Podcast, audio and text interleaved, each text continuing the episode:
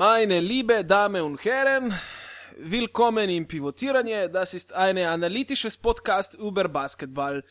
Uh, mit mir sind zwei meine Kollegen, Gals Bačnik und Damir Radženovič. Ich grüße beide. Hallo.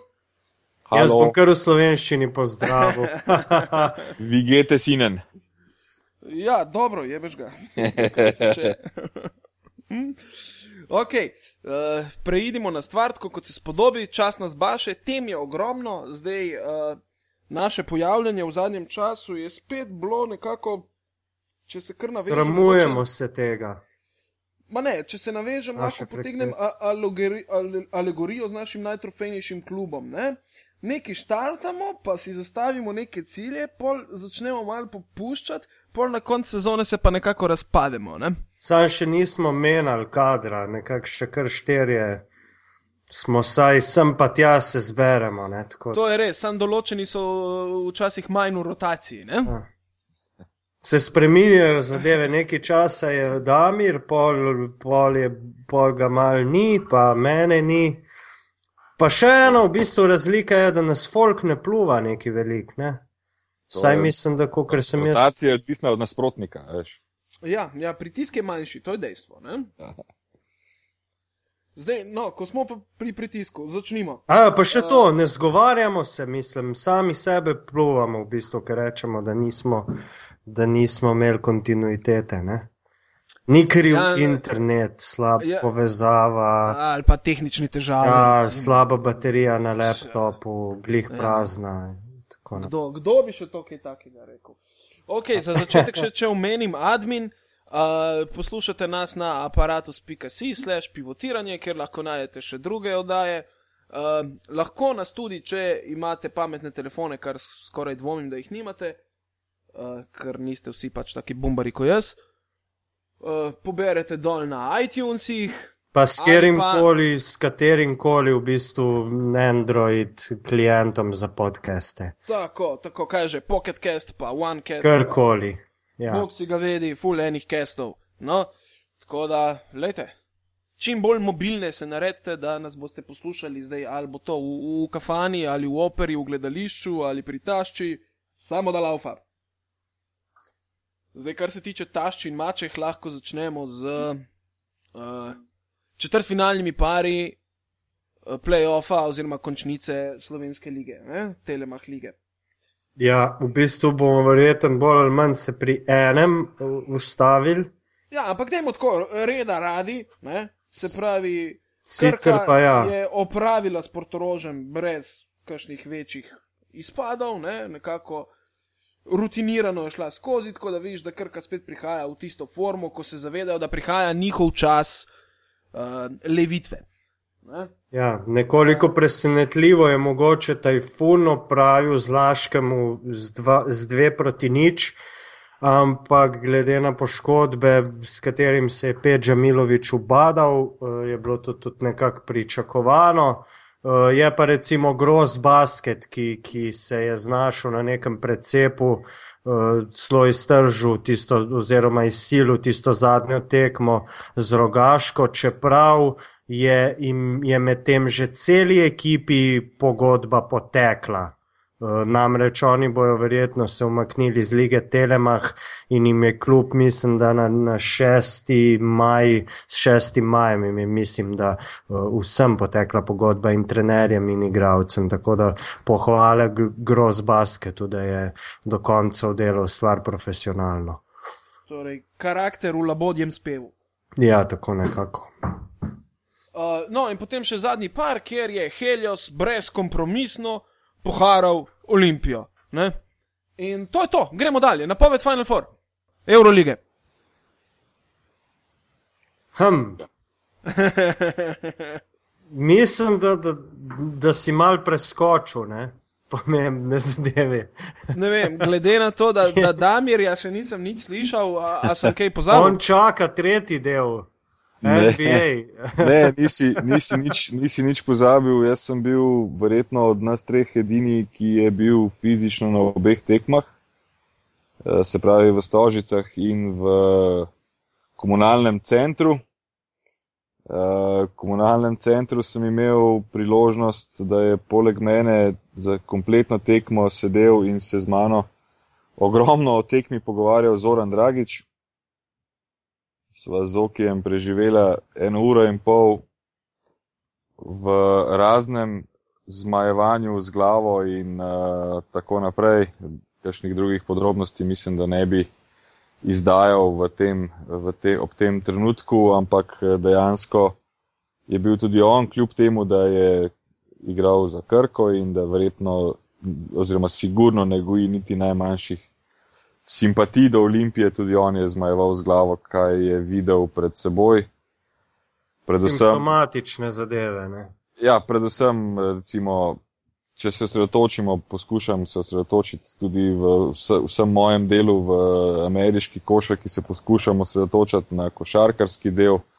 Uh, predvsem napad Olimpije, če lahko rečem, da v obrambi marsikaj ni špilalo, po drugi strani pa vseeno so, imajo tako postavo, da bi lahko, kakorkoli je to v moderni košaki, težko včasih še početi, rešili tekmo tudi z napadom.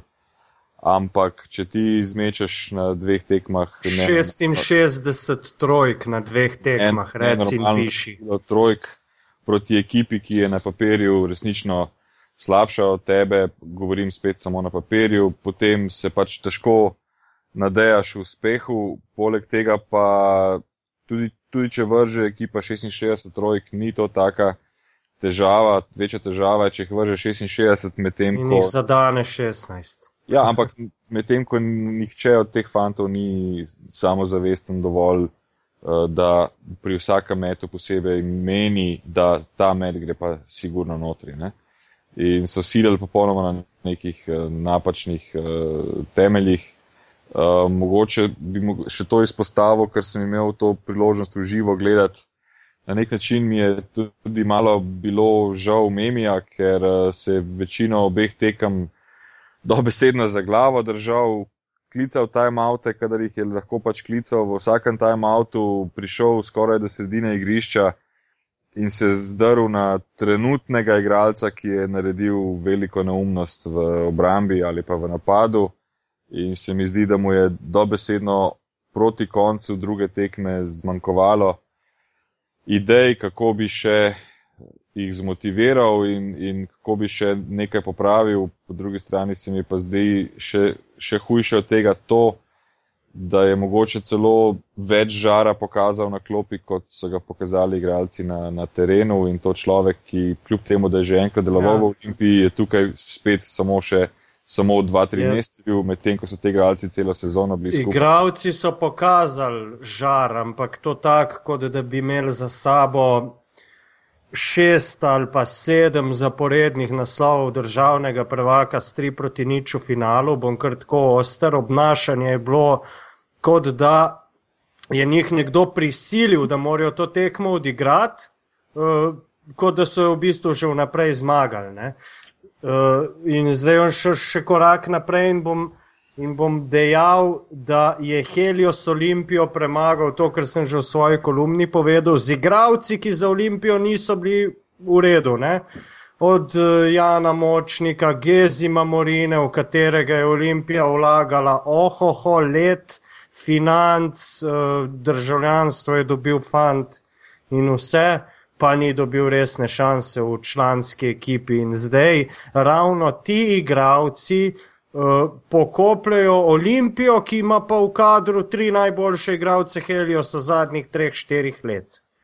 In to, to je, mislim, da tista zadeva, ki ti pove vse, vse o pristopu, da ne govorim potem izjave, izjave akterjev Olimpije po tekmah k Jaz sicer nisem drugač tako oster, ampak tukaj v njihovem primeru sem pa že povedal, jaz bi čestitev in se skril v najtemnejšo luknjo komunalnega centra, počakal, da grejo vsi ven in potem hitro smuknil svoj avto in se odpeljal domov. Ne, ne pa uh, Sašo Pukal in sodniki in tako naprej. Ne. Ja, A, vidva, recimo, vidva sta videla faul pri zadnjem šutu. Absolutno. Jaz sem ga to sploh ne mislim, mislim, da ni potrebno debatirati, ker je popolnoma jasno, da je, da je bil In ne uh, samo z roko, z roko in s telesom je bil faul. Tresno je na njega, ja, mislim, ko vreče krompirja. Ni sploh, ni sploh debate o, o, tem, o tem faulu, mogoče je tudi, bi se, se spodrževal pri tej zadnji akciji, zato ker na zadnji akciji Olimpija ni izgubila tekme. Uh, ja, ampak je bila v bistvu v obeh tekmah skupaj. Se mi je zdela pa ena zelo paradoksalna situacija. Mislim, da sem tudi znotraj ene tekme v Stožicah, oziroma kar prejšnje tekme v Stožicah, uh, to tudi na Twitterju objavil. Um, fantje na Olimpiji, ne vem, kot da bi si na nek način zaslužili igralskega Oskarja. Uh, že, že kar nekaj časa opažam, da med samo tekmo uh, se olimpijni igralci med sabo niso ne vem, zmerjali, nadirali, ne vem kaj, ampak je bil res nekakšen pozitiven duh in, in sklopi in, in, in med igro. In mi je to zaradi tega še sam v svoji glavi pač košarkarsko predelujem, uh, kaj je to, da zgubiš proti nominalno slabšemu nasprotniku, medtem ko vsaj na igrišču v odnosu soigralec, soigralec ni škripalo, govorim v tem mentalnem odnosu, se pravi, da, da se spomnimo tudi raznih drugih, ja, ki so bile skregane med sabo do, do, na, na smrt. Soigralec, pa... soigralec ni škripalo, je pa škripalo na relaciji trener-igralci. To je bilo pa evidentno, ker je Memi v vsakem timeoutu rekel ne trojke, ne trojke in kaj je sledil, trojka z osmih metrov. Točno to sem tudi jaz opazil. Ja. Nariše eno akcijo in potem majstri odigrajo nekaj čisto drugega. Ne? Sej, ok, to smo videli tudi pri, uh, um, na modelu Olimpijakosa proti Barceloni v četrtfinalu, kjer je pred ja. zadnjo akcijo trener narisal eno, so pa majstri na terenu izvedli neko, nekaj čisto drugega. Ne? Ampak je žal tukaj uh, te dve zadeve sta popolnoma neprimerljivi. Ne? Ja, če ja. nekaj naredi en Vasilis, panulis, ne ali pa nekdo, ki nima niti državne lovorike v Sloveniji, je to kar ja, predmet ja, diskusije. Sigurno, tukaj, tukaj pač eh, čisto v prvih tednih je kazalo, kot da jih je Memi na nek način zbudil. Ne? In tudi izjave igralcev, kot so meni znane, eh, so bile bolj optimistične v smislu, da, da drugače trenirajo, da, da so pač na novo se malo odkrili in tako naprej. Dejstvo pa je, da, da, da ne bom sam v tej temi absolutno predolg, ker to znam biti ponovadi. Uh, mislim, da ti igralci v, v veliki večini eh, niso uh, šampionskega mentalnega karakterja in pa da nimajo dovolj tudi mentalnega zavedanja, da so predstavljali inštitucijo slovenske košake, ne glede na to, uh, koliko krat so bili prvaki in koliko krat niso bili prvaki pač to je institucija zaradi, ja. zaradi popolnoma jasne. In, in tudi ja, ampak ni, ni, ni pa inštitucija a priori zdaj. Ne?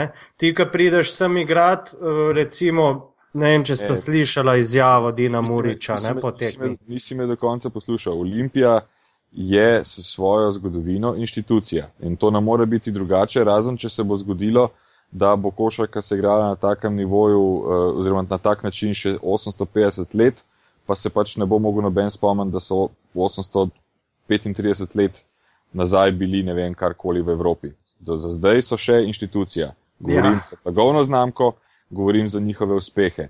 Igralci v tej ekipi niso za take vrste klub in to so dokazali s svojo nekvaliteto in svojim odnosom po tekmi v domžalah in pa s svojim razmišljanjem, kjer so mar, kjer marsikdo od njih precenjuje samega sebe in misli, da pač na Olimpiji bo igral, potem bo pa tako ali tako šel nekam drugam podpisati. Eh, ja, in, in, že, in že ko si nadene dres Olimpije, ne, je, je, tukaj treba, je tukaj treba izpostavljati. Je tukaj treba izpostavljati to institucijo. Ne? Ja, Ampak samo ti si moraš, ti si moraš to institucijo izboriti na parketu v vsaki sezoni posebej. Ja, ni, zdaj, ni zdaj to, mi smo zdaj institucija in nam ta zga faula na koncu nov ste piskali. To, to je, je res, ja, brez poglej, primera. Poglej, koliko se je Olimpija. Ampak vem, ti si govoril v drugem smislu, ja. ne razumem, sam jaz sem pač malo. Ja, ja, ja, jaz nisem zdaj mislil čisto izključno v rezultatskem smislu zadnjih petih let, ker so vse prej kot inštitucija v tem smislu. Ne? Ampak, eh, poglej, iz vlastnih izkušenj, nismo bili mulci, uh, na, na, na Olimpiji in so nas trenerji, ki niso nikoli trenirali prvega moštva Olimpije, so nas na razno raznih gostovanjih, kjer so nas razni na pol pijani očetje, stari 40 let, dočakali in z vilami in uh, z kletvicami, ki jih 12, 13, 14, 15 letnik ne bi smel poslušati, ampak jih je in sem jih, ker sem nosil pač ta dres. Nam je vedno trener vsaki generaciji posebej razlagal v teh časih, Poglejte, mi smo inštitucija, kamorkoli pridemo, katerokoli vas, s komorkoli igramo, so ljudje proti nam. Pač o tem vam ne bom, raz, ne bom razlagal, zakaj, ampak so. In zavedajte se, da če ne boste za 20 točk boljši, ker imamo pač to kvaliteto in smo jo imeli, v tem primeru ne boste zmagali, ker bo tudi malo sodnik podlegal, ker bo nekdo prišel, tudi sem bil na tekmi v eni vasi, ko so na tribuni lepo stali z vilami, lokalci in ti potem igrajo to tako tekmo, kot te bojo navile na bil, če boš kaj rekel. Ali pa tisto, ko je kdo odprl piksno pera, pa je še vate mal pera.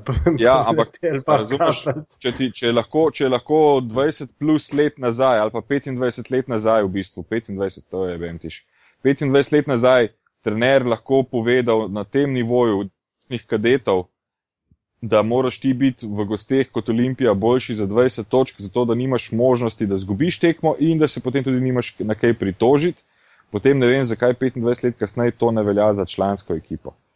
Ja. Čisto preprosto. In tukaj je ta priprava mentalna, sicer jaz še zmeri verjamem, da, da Memi je v okviru vseh svojih kapacitet in zmožnosti poizkusil narediti, kar je pravilno bilo, ampak enostavno ne vidim igralcev, ki, tukaj, ki so ga tukaj poslušali. Uh, predvsem pa recimo v živo, ko je to res drugače kot preko televizije, ko ti vidiš neko uh, borbo jagodnika, ki mu je jasno, da, da, da je kuzla začela urit skakati, ko ti vidiš v končni fazi tujca Marinoviča, kakršen koli je on popluvan stokrat, pa je dal več borbe od sebe, od fantov, ki so tukaj iz okolice bili ali pa so igrali pač v Sloveniji celo življenje potem ti da to mečken zamisliti, predvsem za prihodnost. Jaz, kljub vsemu, za razliko od marsikoga drugega, ne vidim uh, katastrofe v tem porazu, v tem smislu, da se bo z Olimpijo kaj zgodilo. Jaz vidim, da je to mogoče pravilno, da se udari z glavo ob tla, ob zid in se reče, ok, tole je pa dno dna, zdaj pa sprememba absolutno korenita, ker jaz vidim večjo katastrofo, da če, bomo, če bo Olimpija naslednjo sezono štartala, z nekimi spet zgodbami v oblakih, potem se pa lahko tudi jaz v samem pivotiranju poslovim od komentiranja Olimpije. Ja, samo, ko si omenil to dno, kaj, kaj, kaj bi moralo to dno prnest, to, to me zanima, kaj si vidva mislita, kaj zdaj. Eh, zdaj so se nekako zavili spet v Mowk, mislim, da je bila takoj na naslednji, naslednji dan iz spletne strani, so bili izbrisani vsi igravci brez pogodbe, mislim, da jih je samo še pet ali šest na rosterju uradno. Uh, kaj zdaj, uh, kaj zdaj narediti? Ne na zadnje, mladi slovenci so igrali letos pa glih te mladi slovenci za moje pojme niso dali tistega, kar bi se od njih pričakovalo, torej ta zadeva ni šla skozi kaj zdaj naprej. Lahko rečemo, da morajo vsi iti, ampak kaj bo pa, kdo bo pa pršel, recimo. Točno to, dovolj, evo. Ko si je rekel zdaj, recimo, da se je tudi klubsko vodstvo uh, zavilo v mok, tle je po mojem mnenju že prvi problem, ker karma is a bitch. In uh, tako kot vodstvo nima jajc po enem takem hudem porazu, prid pred javnost in dati karte na mizo, dati izjavo, dati en dober intervju v enem, eh, ne vem, ali je zdaj to v dnevniku, ali v delu, ali na eh, radio televiziji Slovenija, pri Franciju Pavšarju, pri enemu novinarju, ki zvleče iz njih res lahko malo več, tega ni. Ne? Eh, ampak PR Olimpije je omejen na eno stvar: podajanje izjav in je bi se. To, to niti ne vem, se ni nujno, da jim je kdo sploh rekel za kakšen intervju. Ne? Sej ne gre za to, ampak... da je kdo rekel, ko ga rabijo, pa že pokličejo. Uh, gre se za to, da še en primer, recimo, uh, radikalen. Željko Obradovič, ko je bil selektor Srbije in Črne Gore na Evropskem prvenstvu 2005. A, a je kdo, ki ni gledal tiste konference po večkrat? polurna konferenca, kjer se njemu utrga film in kot prvo prizna svojo napako. Vsi smo jo gledali, vsi smo jo gledali, ja. kako se mu utrga film, kako ga ne uspejo prevajati, kako pove tujim novinarjem: It's very difficult to translate, my friend, ne, boš pol dubo transkripcijo, ampak pove, začne pri sebi in potem reže dol. Nobenega igralca ne eh, omalovažuje z imenom in primkom, ne, govori na splošno, na koncu po, požene aplauz. Ima to mentalno higieno, da takoj zadevo razčisti. Stokar, če si ti institucija, če si ti en državni klub, je treba zadevo razčistiti. Ne pa spizditi, kar se tega tiče v najtemnejši kot, Ja. pustiti igralcem, da pljuvajo sodnike in to je to. To je, kar se mene tiče, totalen lapsus. Gremo dalje. Kar se igre tiče.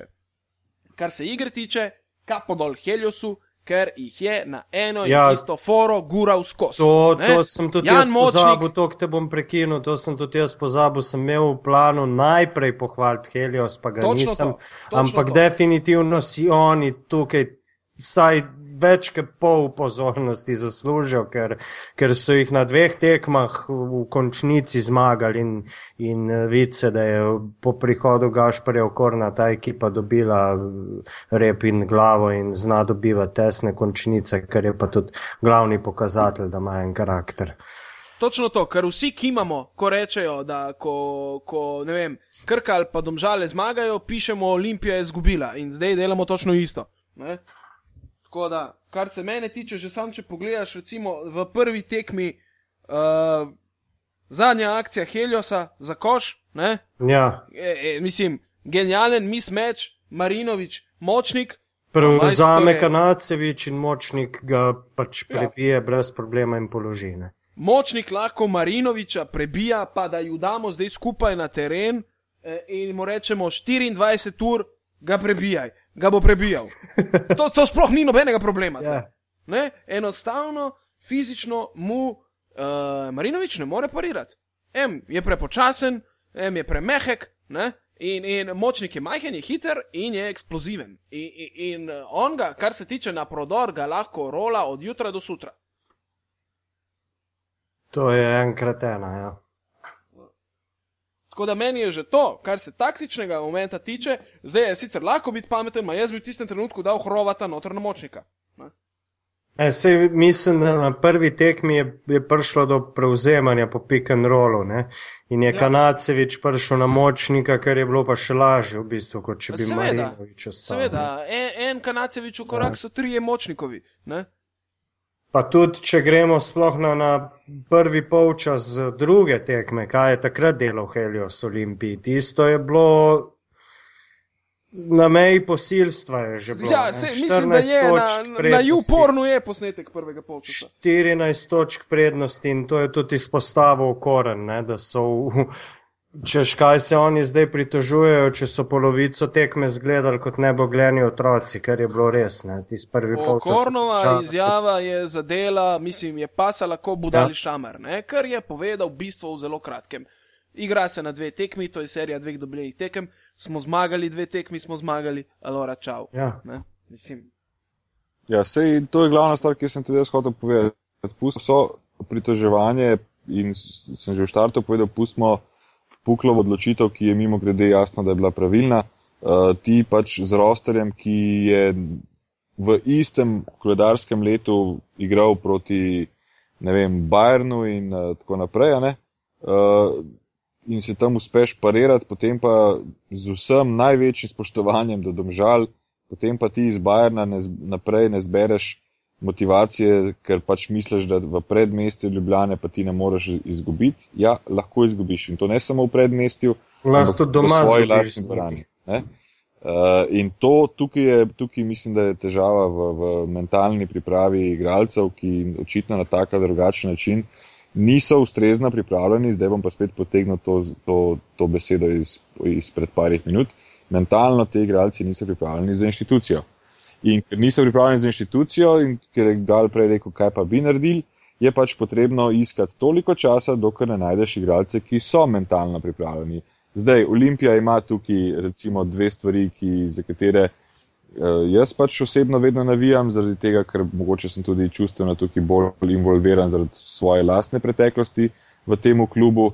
Imajo fante, ki so bili v 15 državni prvaki, imajo fante, ki so bili v 19 državni prvaki, zdaj pa izvoli proračun bo verjetno še nižji iz razlogov, ker potekajo določene pogodbe, ker uh, sponzorjev, ker so najavili zmanjšanja, ker je v končni fazi Heineken prevzel pivovarno Laško in s tem Union in tukaj mislim, da, da zna biti kar Eh, očitna razlika v financah, ker Heineken ni znan potem, da bi točno nek klub sponzoriral, ampak je bolj znan potem, da sponzorira neko aktivnost kot je Liga Prvakov.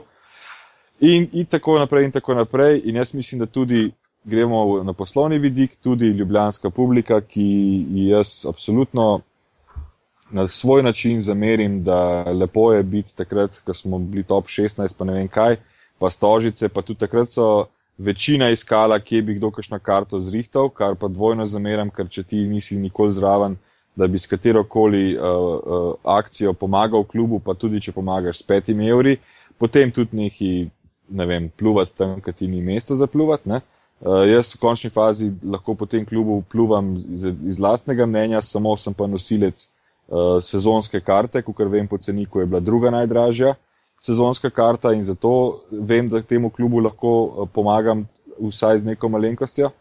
In v končni fazi hočem pa to povedati, da bi se ta publika lahko tudi mogoče vrnila na tak način, da razumemo, da pride nekdo pred javnost pa reče, pogledajte, situacija je taka, denarja uh, je vse manj, saniramo dolgove. Ja.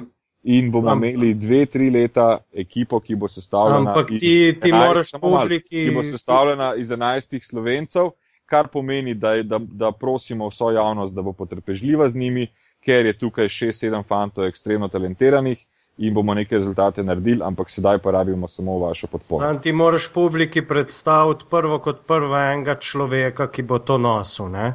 Uh, ja, enega, pa tudi, če, pa tudi, če je to sam figura, ki je tam, pa drugi sprejema odločitve. Sicer to ni dobro, ampak uh, en človek more biti. Lej, uh, v, v Mariboru, v, pri nogometaših Maribora, reče Zaho, zdaj le bomo vsi skočili v drek.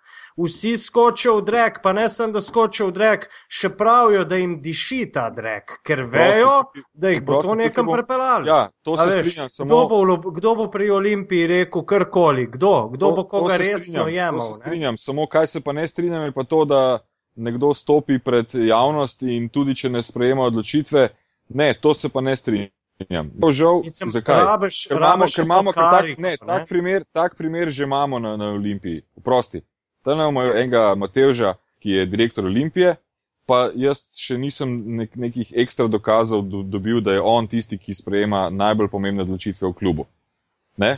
In zdaj v bistvu tudi vsa leta smo najraje, sploh od, od novinarjev do, do javnosti, pljuvali po direktorju za katerega jaz smatram, da, da ima svoje uh, težave, absolutne, ampak meni je prav žal, mene bojo ljudje krivili takrat, ko bom jaz za neki uh, sprejemal odločitve in ne bil uh, samo nekač, nek človek, uh, figura, ki mu bo upravni odbor postavljal svoje, sej, svoje sej zahteve. Upravni odbor najbrž ne, ne, ne, ne reče, zdaj pa ti tega, pa tega pripeli, da je temu pa to.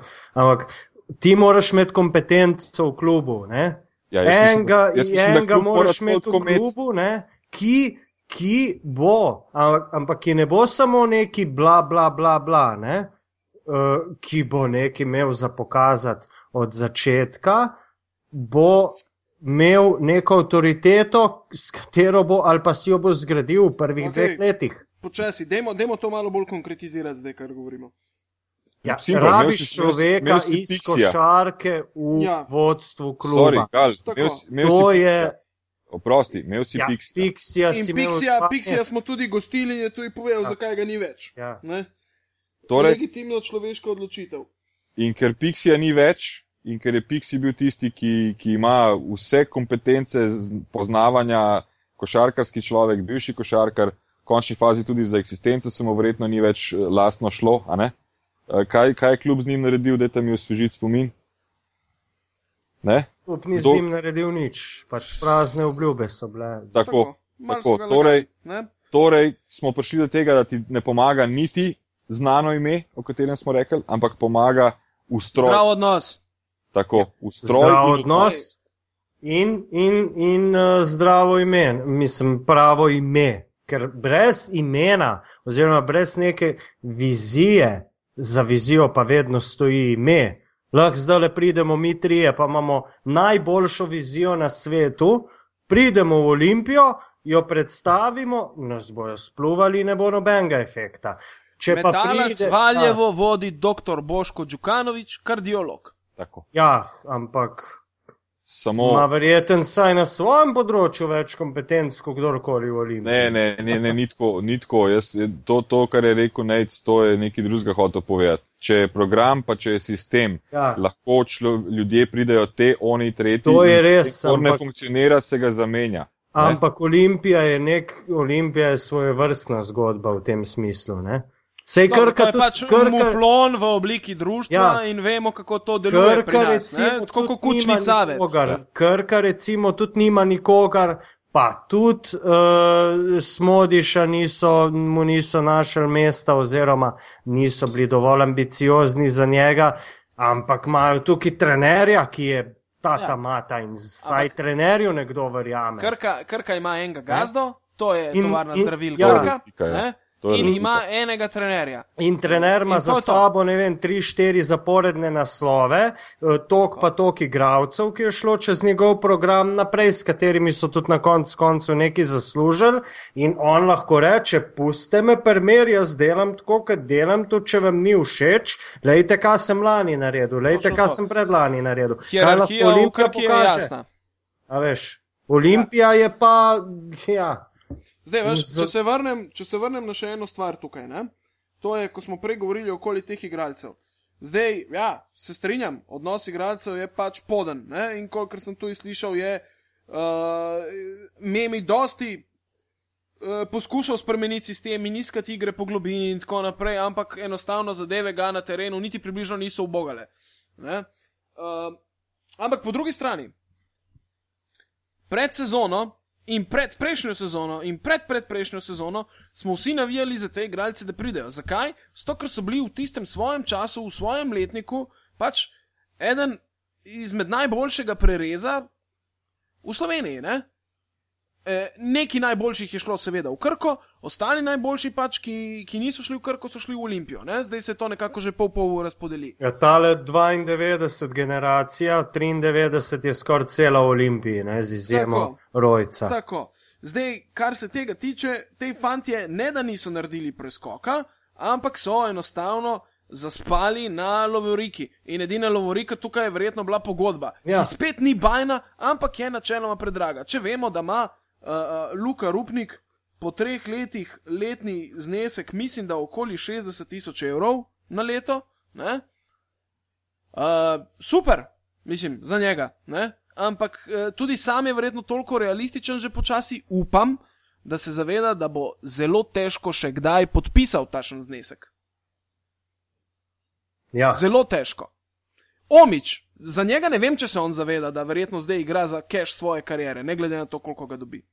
Jaz si dam roko v ogen, da to je njegov maksimum. On več kot ima zdaj po pogodbi, tudi dvomim, da bo dobil. Razen če gre v Iran. Ja. Turki radi malo odprejo, Ma te kaj si normalen, pa niso tako nori, da ga bojo kupili. Dej. Ja. Jaz mislim, da je mogoče nekaj drugega treba pogledati, ne, ko, ko, si- ko si rekel, da so pač te fantje na Olimpiji in da niso preskoka naredili. Ne. Um, večja težava je, če grejo stran iz Olimpije, pa druge delajo preskoke. To je potem uh, znamenje, da na Olimpiji v No. ustroju dela nekaj narobe. Tole, ki si pa zdaj bi omenil, dobro mi je pa, mi je pa na, na, na pamet padel igralec, ki je prišel v Ljubljano kot, ohoho, se spomnim objave kluba. V, v svoje vrste smo, zma, smo zvabili evropskega talenta, Paolo Marinelli. Tako, Fant ni dobil šanse v dveh letih, pazi, v dveh letih ni dobil šanse na desetih resnih tekmah, vse skupaj. Lani je In- igral v finalu državnega prvenstva in je dobro igral. Ja, dobro, ki ni bilo pleja in tako Tako, ampak tako, po silom sili prilike je mogel igrati in je dobro neki- Ja. Ampak prva letošnja tekma Aba lige Uniona Olimpije v Zagrebu uh, pri Ciboni, mislim, da drugo ali tri, ne, celo prvo vprašanje novinarjev je bilo, šta radite s Marineljem? Čist normalno. Fant je devet minut odigral v celi finalni seriji. Mislim, zdaj pa. Četrt finalni. Mislim, ja, v četrt finalni seriji s Heliosom, zdaj pa ne vem, še teh devet minut ga jaz nisem videl. Ampak tukaj lahko se reče, ne vem, eno leto, ne, ja, ni še, ni še, dve leti ga imaš. Mislim, to je za me škandal in, in, in nekako imam občutek, da če bi ta fant šel, tako kot mi je en kolega na Twitterju povedal, zdaj le v Zadar ali pa Cibono ali pa tudi na koncu koncev CD-vito, bi zelo hitro pokazal, če se je vreden. Se je zelo možno, da bo šel drugo leto v Cibono, ja. glede na to, da drugo leto štarta Cibona z najnižjim proračunom Ever. Ja. Ne? Jaz vam, vam garantiram to, kar tlele pred mikrofonom sedim, da se bo to zgodil.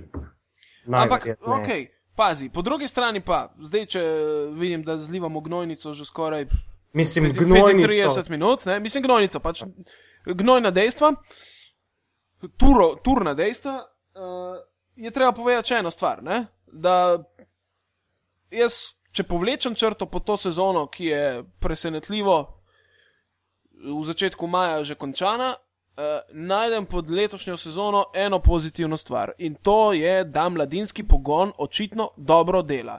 Da je dolgoročno delo, oziroma zaenkrat še vedno kratkoročno, z dolgoročnimi obrisi Gašparja Potočnika, pokazalo nek rezultat. Ja, se je to, to, kar, kar sem jaz govoril. Ne? Ja, tlele imaš zdaj recimo Blaža Mesička, Čančarja. Samo pazi, in, Mesiček drug, drug mesec dopolni 18 let. Točno to. In čaka ga podpis prve profi pogodbe. Če je ne to. podpiše z Olimpijo, lahko prečrtaš tale te pozitivne zadeve. Se strinjam. Šteo, se strinjam. Ne? Dobro, dajmo biti mal državotvorni tudi. Ne? To je zdaj ne, zelo Seveda, jaz si želim in, in, in to, bi bilo, to bi bila katastrofa, da tega ne naredi za, ja. za, za državo. Za državo. Je, Ampak je dopuščam pa možnost, da se to ne zgodi. Ne? Ja, seveda, se, se, ni bil na probi. Ne, že, ja, v zdaj. Milano je bil. Ja. No, pa pač uh, bojo, bojo oni tudi kaj. Mislim, oni, Olimpija, ima nek ustni dogovor z njim, da še to pač povem, nek ustni dogovor imajo, ampak ta ustni dogovor je tako le jaz ti, ne. Obvezujoč, ja. ni pa to nič formalnega. Da, se lahko hitro vse. On ima, on ima verjetno strani Olimpije tokrat tudi zagotovila, glede na to, da se bo naslednje leto verjetno delalo še s precej krajšim proračunom in upam, da z domačo ekipo. Zdaj ne vem, s katerim vodstvom in katerim trenerjem, o tem ne bom niti razglabljal, ker konec koncev uh, tudi ne mislim razglabljati. Mislim, da zadnji trener, ki sem ga pljuval, je bil Pipan in upam, da sem s tem opravil. Mm. Tako da je možno, da se mu nudi šansa v Olimpiji in s tem tudi do neke mere obljubljena minutaža. Ne? Zdaj bo pa zelo odvisno od tega. Uh, Ja, Kako ga bo upam, naslednji trener, upam, ali bo to majo... isti trener, oziroma vršilec dožnosti, ali naslednji trener, kdorkoli pač bo trener. Prav, mislim, da bo to največja stvar dogovora med trenerjem Olimpije in Blažem. Jaz upam, da imajo, da mislijo fanta vključiti v prvo ekipo. No? Ker to je pa zdaj že, mislim. Počas bi že bil čas za preskok prva liga in tudi par minut v Abu Leiji mu ne bi več škodil. Tako da upam, par da minut, razmišljajo jaz, o tem. Jaz bi ga porinil noter 20 minut. Mislim, ja, no. Pač... Abu Leijo si morajo še, morajo še počakati, če bodo uvrščeni. ja, ampak hipotetično mislim, da tukaj ne bo težav. Tako da Ampak vemo, vemo pa, kakšne, kakšne, v kakšnem položaju se Olimpija znajde, ko pride en resen klub po enega igralca. Ne? Emir Sulejmanovič, smo videli, kaj se je zgodil, pa kje zdaj elefant igra, pa kaj mu je bilo tle ponujeno, pa, pa vse pa je še zmeri šel. Ne? Ker je čist normalno. Ne? Tudi jaz bi verjeten šel, če bi imel pri njegovih letih tako ponudbo, ampak vemo, koliko hiter se zadeva lahko obrne. Ne? Ja, jaz pač mislim, da čisto globalno, uh, ekipa, ki bo ekstremno poceni, uh, največ, kar je možno domačih uh, fantov, Iz, potem pa, če se še kje najde z, z dobrim skautiranjem, to je pa mislim, da popolnoma nova tema, ki jo zdaj ne bom niti odpiral, če se z dobrim skautiranjem najde še enega, dva poceni tujca, ki se jim predstavi Eurocup za odskočno desko proti boljšim pogodbam, da to je nek okvir neke ekipe, ki bi za naprej ja, to zadevo to lahko, lahko peljal. Mislim pa, da, da, da bo kar neki čakanja, da se to zgodi iz preprostega razloga, zato ker uh, ne vem točno kdaj, ampak neki ta okvirni čas, sponzori, kdaj bodo povedali, kako in kaj za naprej, ker to bo pr prvo in. in, in se poteče tudi pogodba predsedniku Mederendorferju, tako da bo kar, uh, evo, evo. bo kar turbulentno. No. Tole se zdaj vključimo na naslednjo temo na hitro. Zdaj, mene zanima pri vsej tej stvari, malo sem razmišljal ne? in prišel sem do tega zaključka, da ja, to vodstvo ima ene par pozitivnih stvari, negativna stvar je definitivno rezultat. Uh, negativna stvar je to, da svežega kapitala dejansko niso uspeli dobiti. Ne samo, da ga niso uspeli dobiti, celo pogodbe so se jim zmanjševale. Ne? Zdaj, po eni strani, če se kje pojavi, spet smo pri enem in istem problemu, okoli katerega se vrtimo že kot mačka, okoli vrele kaše zadnjih deset let, je, če se pojavi nekdo, ki je pripravljen in sposoben pripeljati nek nov kapital noter. In bi bilo zelo, absolutno zaželjeno, da ima še uh, kakršno koli znanje resno o košarki, je mislim, da čas absoluten, da se potem vodstvo zamenja. Ne? Ja, ker, sam ker problem zdaj, je, problem je, če boš, se, ja, problem je, če boš s tem novim kandidatom ohranil tudi ne vem, kakšni so, to niti ne, ne poznam, ampak če boš ohranil obstoječe sponzorje. Ne? Ja, hočem reči to, hočem reči to, da je zadeva taka, da jaz osebno nimam, recimo, evo, če slučajno zveni zdaj kot neko osebno napadanje proti Matežu Zupančiču nič. Meni je on super lik za tako. Uh, Kar se tiče njegovega udejstvovanja v Olimpiji, lahko rečem, da kolikor sem jaz kot zunanji opazovalec opazoval zadevo, je uh, direktorsko funkcijo peljal solidno. Ne? Brez zdaj nekih večjih superlativov, ampak v nekem smislu je organizacija štimala. In to je to. Zdaj, financ ni bilo in to bo verjetno tudi sam povedal, da finance so verjetno rak rana tega kluba, predvsem zmanjšujoče se. Ne? Kar se tiče Medrendorferja, ne bi izgubljal besed, ker sem se tudi na Twitterju ene parkrat z njim zapletel in uh, ne nosim ravno pozitivnega mnenja o njemu, pa naj pri tem tudi ostane. Tako da, kar se tega tiče, res ne vem. Če ta klub želi napredovati, se bo morala tudi na vodilnih pozicijah narediti ena sprememba. Je pa treba spet dati tukaj uh, kredite, recimo Mateožu, za to, da je imel disciplino pri vzpostavljanju mladinskega pogona. Tam mu je ratalo. Ne? če gledamo ga kot enega operativca v klubu, za kar verjetno tudi je zadolžen. Ja, sem kaj, mislim, za eno vprašanje, kaj sploh je kao uspešen mladinski pogon. Ne? Te uspešen oziroma dober mladinski pogon ne koristi nič, če postopoma ne. ne ja, in, in, in do zdaj tega še nisem videl. Ne? Tako da Ni, bomo videli v prihodnih letih. Ne? Se tudi ni, ni nujno zmeraj, da ga vključiš prav direkt v članski olimpije. Ja, Konec pa, koncev, če od, ja. vem, če od desetorice teh fantov jih gre pet ali pa šest naprej igrati prvo slovensko ligo in je čez tri leta sta dva pripravljena res vrhunsko, da bosta ali uh, petorka olimpije ali pa slučajno, da sta jo že prerasla in da greste ja. v tujino, da bosta naslednja reprezentanta, je to tudi odličen pogon. Ne? Ja, se pravi, tukaj ni treba gledati izključno samo na Olimpijo, samo fanti, demo, demo, demo pogledati nekaj drugega, pa bom se res potrudil biti naj, najkrajši možno. Poglejmo neki. Krka ima enega lastnika, je tako. Uh, Gross Basket ima pod narekovajem enega lastnika, pustimo, kako je končal. Uh, Typhoon ima enega lastnika pod narekovajem, ne? In tako naprej, in tako naprej. Na Olimpiji je pa zadeva takšna, da je to državni klub. Zdaj pa, jaz sem zagovornik tako ali tako privatizacije, vedno bil in vedno, vedno tudi bomo naprej, ker v nekaterih sferah bi radi bili Evropska unija kapitalisti, ne vem kaj, v drugih sferah bi se pa radi šli socializma, pa vse naše. Ne, ni vse naše. Ne?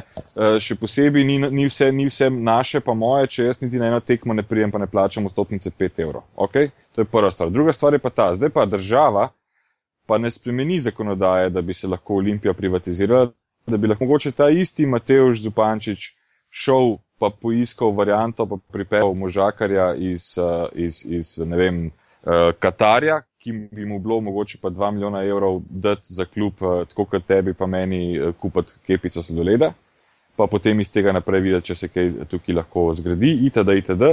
Hočem to povedati, klub nima enega lasnika, država ne dovoli privatizacije, sama pa za klub poskrbi toliko, da imajo direktno samo nos nad vodo in plačujejo dolgove iz preteklosti skozi sanacijo, ki, kot kaže, ne bo zaprta še nekaj Ta časa. sanacija Kaj- se užira v aktualno poslovanje. Seveda, seveda, sanacija se ne samo se zažira v aktualno poslovanje, zažira se tudi v proračun, da ti kljub samo na določenih mestih, kjer si deficitaren v ekipi, ne moreš pripeljati nekoga in mu reči, evo, obljubljenih in izplačanih bo 150 tisoč evrov. Ne? Razumeš?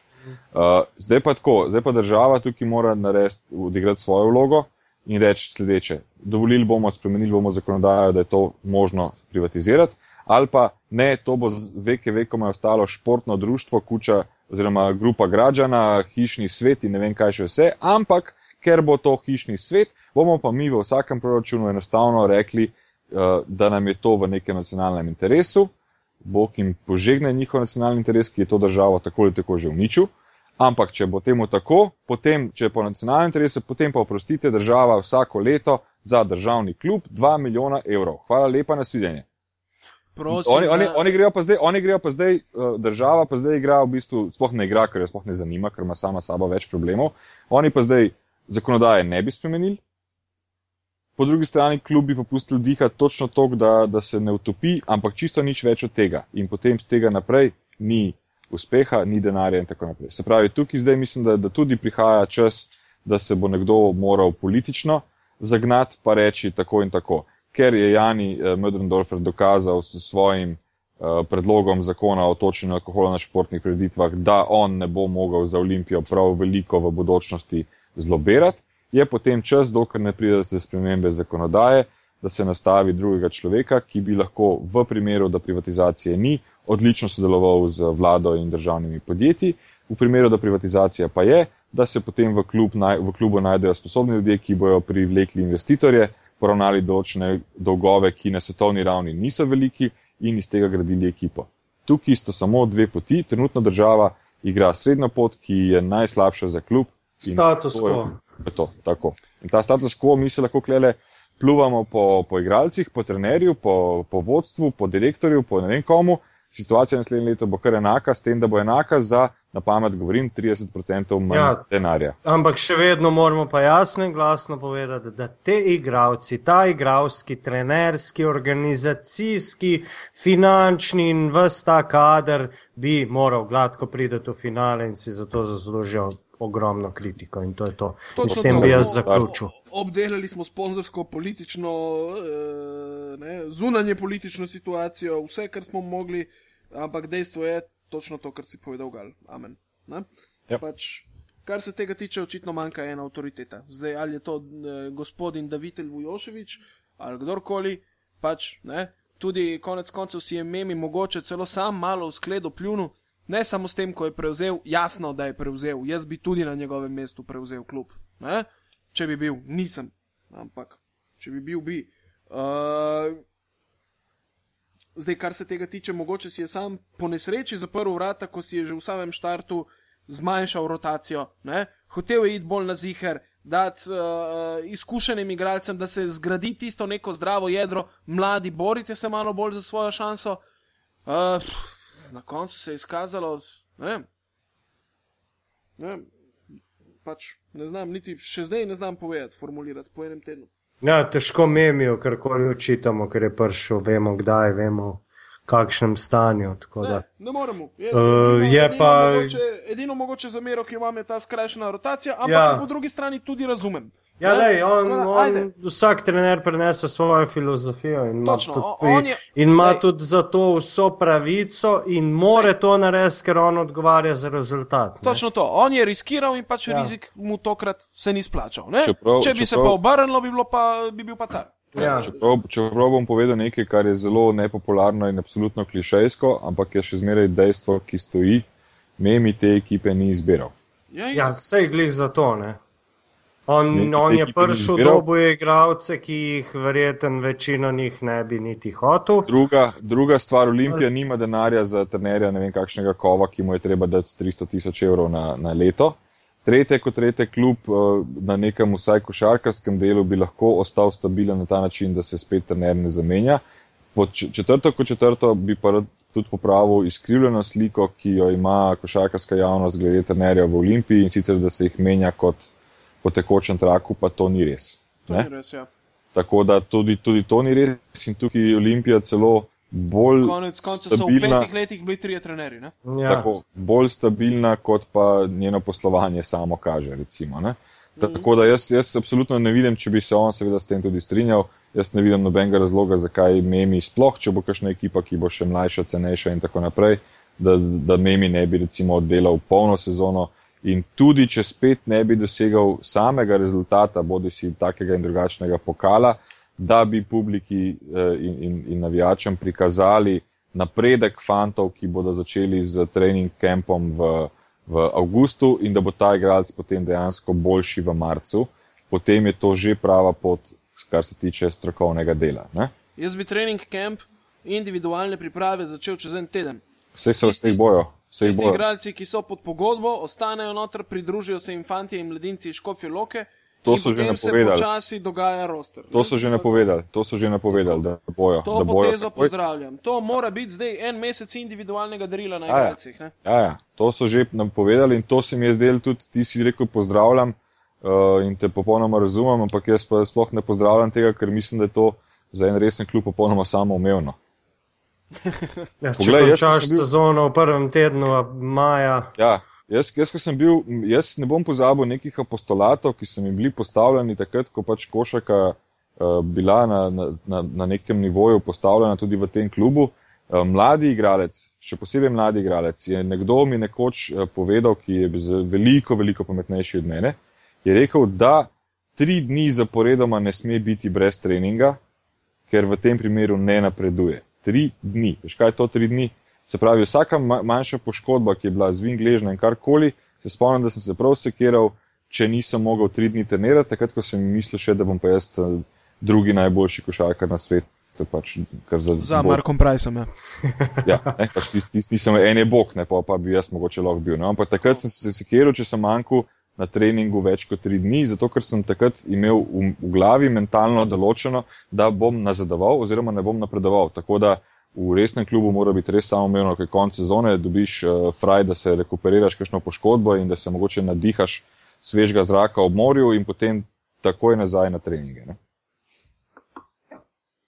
ja, smo pa dobili tudi nekaj, nam je prišlo na uho, da so pa košarkari Olimpije na nek drug način začinili tale konec njihove sezone, pa zdaj o tem ne bomo razlagali, ampak na nepravi, vsekakor. Uh, da To, mi, zdaj. to, to mislim, da vam je že Džile razložil, kako gre glede tega. Ne? Ja, ja. Zavisi, ko je sviral ta dan. Zdaj pa mislim, da. Lej, glede na to, da smo tole zdaj neki cajt obdelovali, ne? Ja. Koliko, še nismo na eni uri, bomo pa malo Preorali smo. preorali, ori, orjemo počez. globoko. Uh, gremo tako.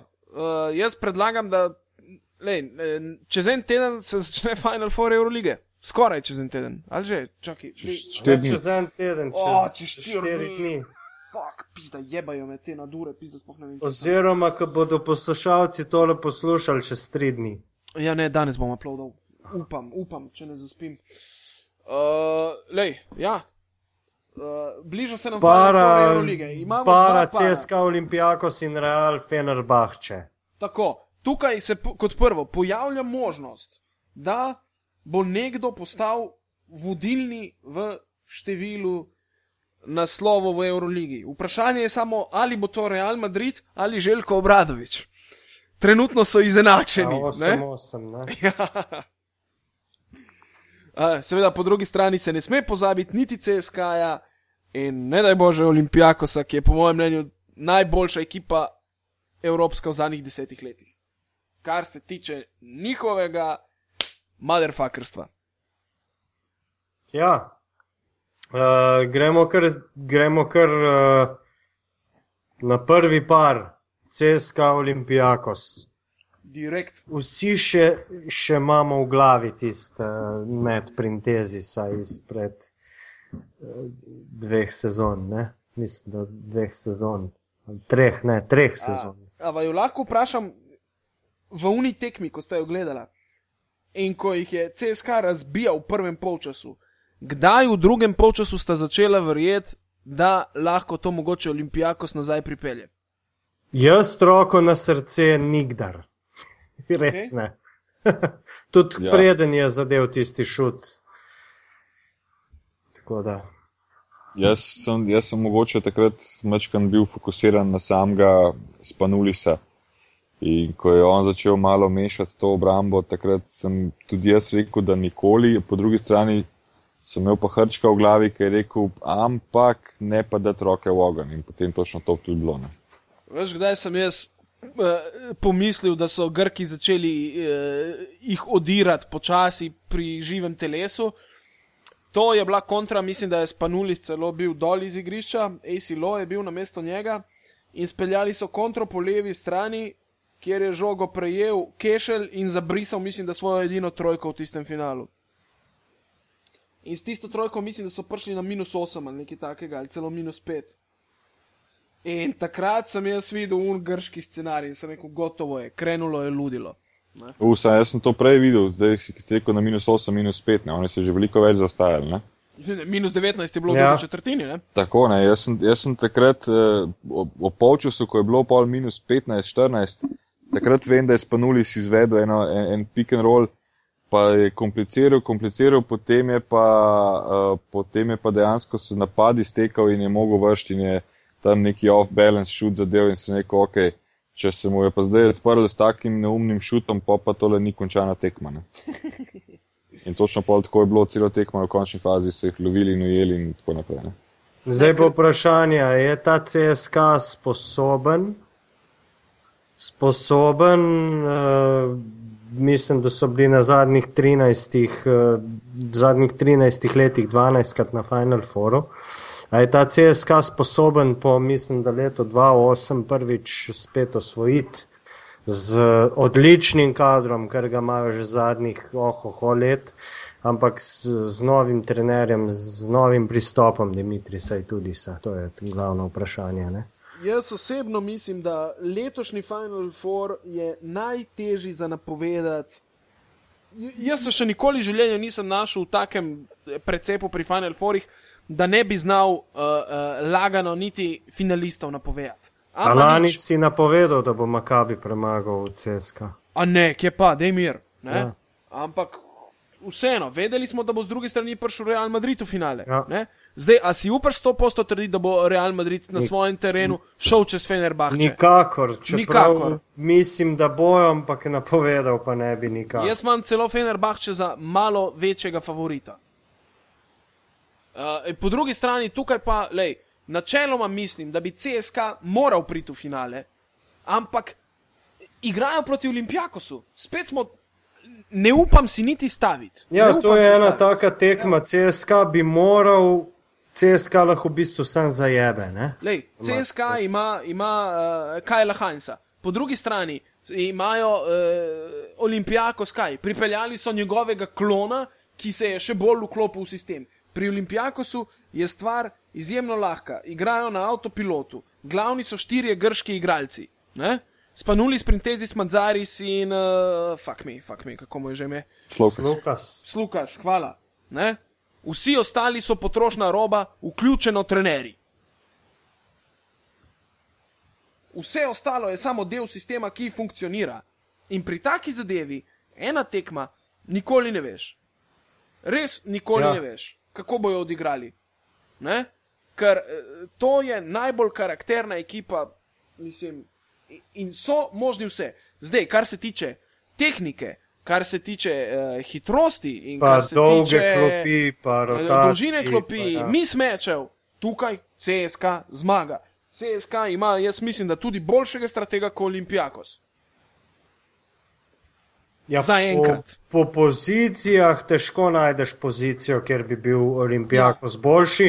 Tudi Spanulis, uh, ne verjamem, da je Spanulis in recimo Slukas, ki ga menja, da sta boljša od Dekoloja in Teodosiča. Težko, Absolutno, ne? absolutno. Ja, Z tega ampak vidika so vsi parametri Ja. ja. na strani CSK-ja, ampak še vedno, jaz mislim, da je šansa 50-50. No? tudi jaz Mislim, mislim. Tako hud moment ima ta uh, karakter, ima ta ekipa Olimpijakosa.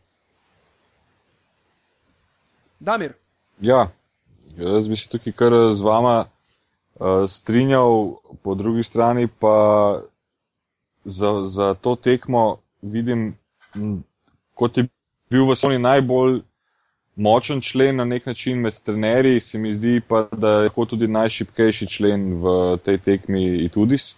In to absolutno ne zato, ker ga ne bi cenil, ker ga cenim eh, resnično ogromno in to, kar je nared- naredil nekako v prvem letu samostojne kariere na tem nivoju, je malo trenerjev šlo tako hitro gor. Uh, vendar pa znašel se bo prvič kot glavni trener v situaciji, da se od njega pričakuje izključno samo uh, naslov. In tukaj upam, da ne bo pač za njega, upam, da ne bo podlegel kakšnemu uh, pritisku, sam, sam, sam sebi v bistvu, ne, ker pritisk je tako ali tako gromozanski, uh, in da, da bo tekmo odvodil skozi rotacije, skozi kakšne mentalne lapsuse, skozi milijon stvari, ki se trenerjem zgodijo znotraj tekme, na tak način, da bo lahko na koncu se veselil pač zmage v polfinalu. Ne. Tako da, tako da tukaj se mi zdi, da pri Olimpijaku ko si ti rekel, da štiri, štiri Grki vodijo pač kolo ne, in, in samo igro, da imam včasih občutek, da, da so tako uigrani, da v bistvu vodijo tudi klop in da, da, da trener lahko tudi tiho in se bojo oni zmenili. Ne? Medtem ko pri tudi so pač to temu ni tako. Uh, bi pa še to povedal, Olimpijako se pač kar nekajkrat zaporedoma padel na predzadnji ali zadnji stopnički, vendar ima pa Kirilenka, ki. eh, CSK, CSK. CSK, Pardon, ja. pardon, se pravi, čujem, CSK, ja, CSK sem mislil.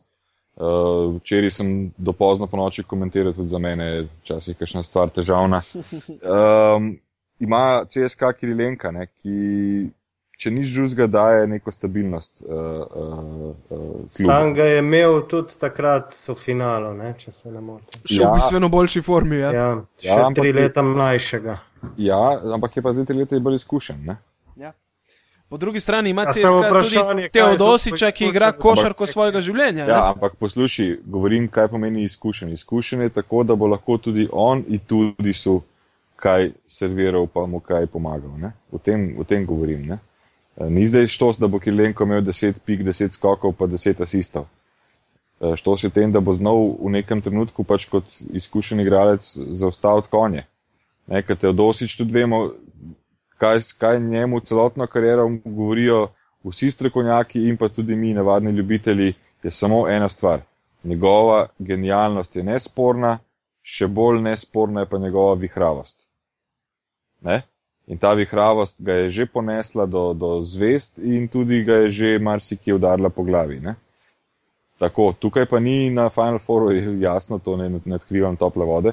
Uh, tukaj pa ni časa za eksperimente in za vihravost, ampak je čas za stabilnost, za zaupanje v lasten sistem in za, za borbo pač do konca z razumevanjem, da Olimpijakos že toliko krat v nedavni zgodovini dokazal, da se ne bo niti na minus 20 predal in pač, kaj treba, če se da zmlet na minus 40. a Ne? In to ti, to ti pa lahko tako razmišljanje daje samo stabilnost in tukaj se mi zdi pač, da ima Kirilenko lahko eno bolj odločilno vlogo. Ne. Tako kot si pa rekel za Teodosiča, bi jaz tudi rekel, da letos ima tudi Voroncevič eno najboljših sezon v karieri, Absolutno. ki je, ki je bil že za marsikoga odpisan, pa je bil vedno ekstremno zanimiv igralec. Jaz mislim, da mogoče, ker nisem čisto z njegovim privatnim opusom seznanjen, da je mogoče z njim kaj bilo narobe znotraj nekih dveh, treh let nazaj in da je sedaj neki mogoče lastno glavo poštimal ne? in začel igrati na tistem nivoju, za katerega se je že nekaj časa nazaj vedel, da je sposoben. Pa tudi priložnosti dobil, veš.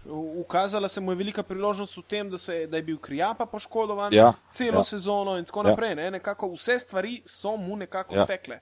Tako da jaz mogoče vseeno ne bi, ne bi šel na, na, na 50-50, jaz dam tukaj CSK-ju v tej, v tej uh, tekmi več uh, priložnosti, po drugi strani sem pa notorično znan po tem, da vedno vse narobe ne povem. Tako da tudi, to, tudi tokrat je možno tako. Ampak enostavno se mi zdi CSK, predvsem samo bolj stabilen. Ne, ne gre se toliko, da bi bil boljši, ampak bolj stabilen, kot je bil leta do zdaj. Ker ne pozabimo, da vsa leta nazaj, tistih 3-4-5 let, ko so prišli na Final Four, so bili vedno pretendenti na prvo mesto, nikoli tisti, ki so prišli na Final Four kot neka Cinderella ali karkoli podobnega. Torej jih je vedno do zdaj izdalo, uh, izdala stabilnost eh, v, samem, uh, v, samem, v sami tekmi. Razen lani, kjer je v bistvu že celo sezono so kazali zelo skrpano igro nekako, ne? Ni, niso se jim zadeve poklopile in lani so praktično vsi dvomili, da lahko CSK naredi kaj več, razen tega, da se veda izloči Makabi, kar je bil nekako skoraj da no-brainer pri ja, vseh. Ja, ja.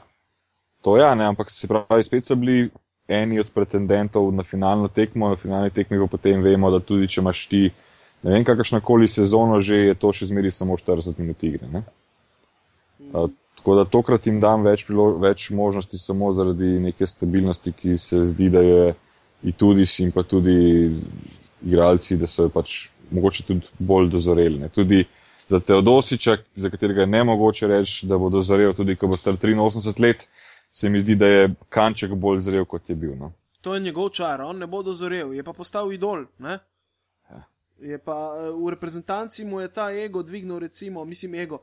Eh, ne mogoče sploh ne moč več dvigati. Ne, občutek odgovornosti, občutek odgovornosti ja. mu je dvignil dejansko Sale Đorđevič v reprezentanci s tem, ko ga je prvi dan priprav poklical na pogovor in mu razložil, kako so stvari potekale v reprezentanci stare juge. Je rekel, starejši ja. igralci so zmeraj vzeli takoj ta prvega nadarjenega mlajšega pod okrilje in so rekli, mali ti boš z mano igral ena na ena, mali ti boš z mano šutiral, mali jaz ti bom podajal žoge, ti boš meni podajal žoge in so ga sami izbrali za cimra. In je rekel, da od njega, kot bodočega kapetana, kar letos tudi Teodosič bo, kapetan te reprezentance, uh, pričakuje tak očetovski odnos. Uh, in, in s tem je prvič v bistvu Teodosič spremenil nek svoj mindset, da ne prihaja več noter kot en uh, izgubljeni genij, ampak da postaja v bistvu oče na igrišču. Ja. In to mu je pomagalo. Vrlo jednostavno, se sliši zdaj. Prav to je prvi par, drugi par. Uh, še to, uh, če smem še malo zagnjaviti pri tem paru. Kako bi recimo kot trener CSK-ja napadel Olimpijakos? Standardno igro in to proba čim dlje držati. Kaj, pick and roll do izbezumlja. Imaš Danstona, ki odlično brani pick and roll. Pa imaš, boš, se pravi, ne... Ne smeš se ti, pa Olimpijakos ni ekipa, kateri se moraš ti prilagajati. Ti, po mojem, moraš z njimi igrati tako, kot igraš in do konca. Ker oni so tisti, ki se morajo na koncu koncev prilagajati, oni so tisti defenzivci, ki, ki mislim, da na tam na 71 točk spuščajo nasprotnike. Tako da ti moraš igrati, spoh CSK, ki ima, mislim, da najboljši napad v Euroligi. Preverjen recept. Uh, vse stranska igra, kroženje žoge in to je to. Dva, tri je playmakeri noter v igri. Ma, lahko eden, lahko so pa tudi tri naenkrat. Kokorkoli, tako uh, imajo take igravce, da nobeden ni sam na en položaj prikovan, recimo odlično funkcionira ta Teodosič in Dekolo skupaj, ne? tako da mislim, da. Samo vprašanje je, če, če, če se ne bo spet strgalo s panuliso. Ne? Ker njem, pri njemu pa ne rabiš veliko. Ne? Obramba bo, če se strga s panuliso, dve, tri trojke zapored, je, je hiter lahtank let, tudi za CSK, predvsem psihično. Mm. Ja, Ker, na konc, pa- ker bo na koncu Olimpijako smel napad, za, če se bo vračal napad za zmago, recimo, tako kot ga je imel Makabi lani, Teodosič ne bo pobranil tega. To je iluzorno za pričakovati. Tako da jaz pričakujem, da bo CSK vodil, zdaj je pa samo vprašanje, ali se bo Olimpijakos uspelo kritično približati, tako kot se mu je v nekaj primerih že. Damir, Ja, jaz bi mogoče jih napadel uh, po globini za začetek. Iz prostega razloga, zato, ker imajo uh, pri teh američanih je pač tako, da, da najboljši se odzovejo sicer odlično, tisti, ki pa pač eh, mentalno niso najmočnejši, pa niti ni nujno, da se dobro odzovejo v teh tekmah na nož. In jaz bi mogoče v štartu šel na nož, pa potem videl, kaj iz tega ven lahko dobim, ker jasno je, da tehniko in kvaliteto imajo. Sam Eh, s kom boš pa- po, globini napadel, s kavnom, težka. zakaj pa ne? Zakaj pa ne? Kaun se je Kaun- izkazal, Kaun se je izkazal na za dan odličnega sto na- centra, ki igra z obrazem proti košu izjemno. Ne? Kavn Ja. na dan stona ne verjamem. No. Ante Tomič ni mogel, pa Ja, vemo. sam, Oh, Kaun to- je igralec, ki prihaja iz druge akcije, ne? Ja, Se pravi, ki ja. gre na skok. In uh, če ti napadaš, uh, recimo, Dunstona z nižjim igralcem na mismeču, ima Kaun še vedno prosto pot lahko do skoka. Ne? Ja. Ja, sam Predvsem, predvsem tukaj si mislil na, na Kauna, mislil sem pa tudi na, na najbolj potencialno možno agresivnega Kirilenka, ki bi še uspel biti dovolj agresiven. Ker Kirilenko pa vemo, da se nikoli ni bal uh, kontakta pod, pod, Nikakor. pod košem. Nikakor, ja, Uh, silovito. to in potem dejansko poskušati na teh prodorih. Druga stvar je tudi, tudi Sony Wims je sposoben prodiranja uh, in poskušati tam mogoče dobiti v štartu kakšno osebno napako več in, in, in, in iti iz, iz, tega, iz tega principa naprej. Ne. Sicer Dunstan, Hunter in, in uh, Pathway so uh, fizikalci, skočni in tako naprej, ampak da se jih pa tudi na, na, na, na, na, na bom rekel tako, mogoče tudi iz kakšne lastne izkušnje to govorim, da se jih malo nafintirati. Te, te, fan, te fanti so navajeni druge košarke eh, iz, iz let in let nazaj in eh, da se jih nafintirati, da se jih bolj, bolj močno. Uh, po drugi strani pa mi pove nekaj drugega, ko si Ja. rekel za, za, za kauna. Koliko ima kaun centimetrov, čisto tako gremo uno, ta, ta, o- ta, ta simple varianta. Koliko ima kaun centimetrov? pa ima, mislim, Res- da 2-13. 2,13, tako je. Koliko so v povprečju Petway? 2-6 do 2-8. Kjer je, kjer, najdem mi enega Olimpijakosa, ki ima 2,8, razen Dunston Agravance. ima, mislim, da 2-8, max. Dunston, Ja, sem 200 dal- Pa Hunter, Dunston- no 2-6, 2-8, no. Hunter, Dunston ampak- ima tudi 2,8 v širino. Ne? Jaz sem ti glih to hotel reči, da recimo Barca ima dosti bolj, uh, kako bi rekel, tehnično podkovane šterke in petke, kot jih ima Ja. CSK, pa ni Ja. mogla prden podkovati. Sa, Ja. Sam niso pa fizične toliko. Kaun- Ne, ok, Mačej Lampe je je fizičen. Kaun je pa fizičen igralec in Točno to ti to. govorim. Točno Ja, je- sam, je sam, če se boš ti s fiziko, če boš ti s fiziko nastopil proti fiziki, ne, vemo, kaj bo. Na, na fiziko lahko s tehniko, recimo Ante Tomič ima 2,17 odlično tehniko, podajati zna, skakati zna, ima une muve, post muve, ki jih nima Ja, noben v ampak Evropi. fizika mu je ne. pa nikakva. Ne? Ja, Fizika mu je nikakva. Ja, zdaj boš pa ti s Kaunom, ki je sileđija, po domač povedan, napadel Dunstona, ki je še večja sileđija.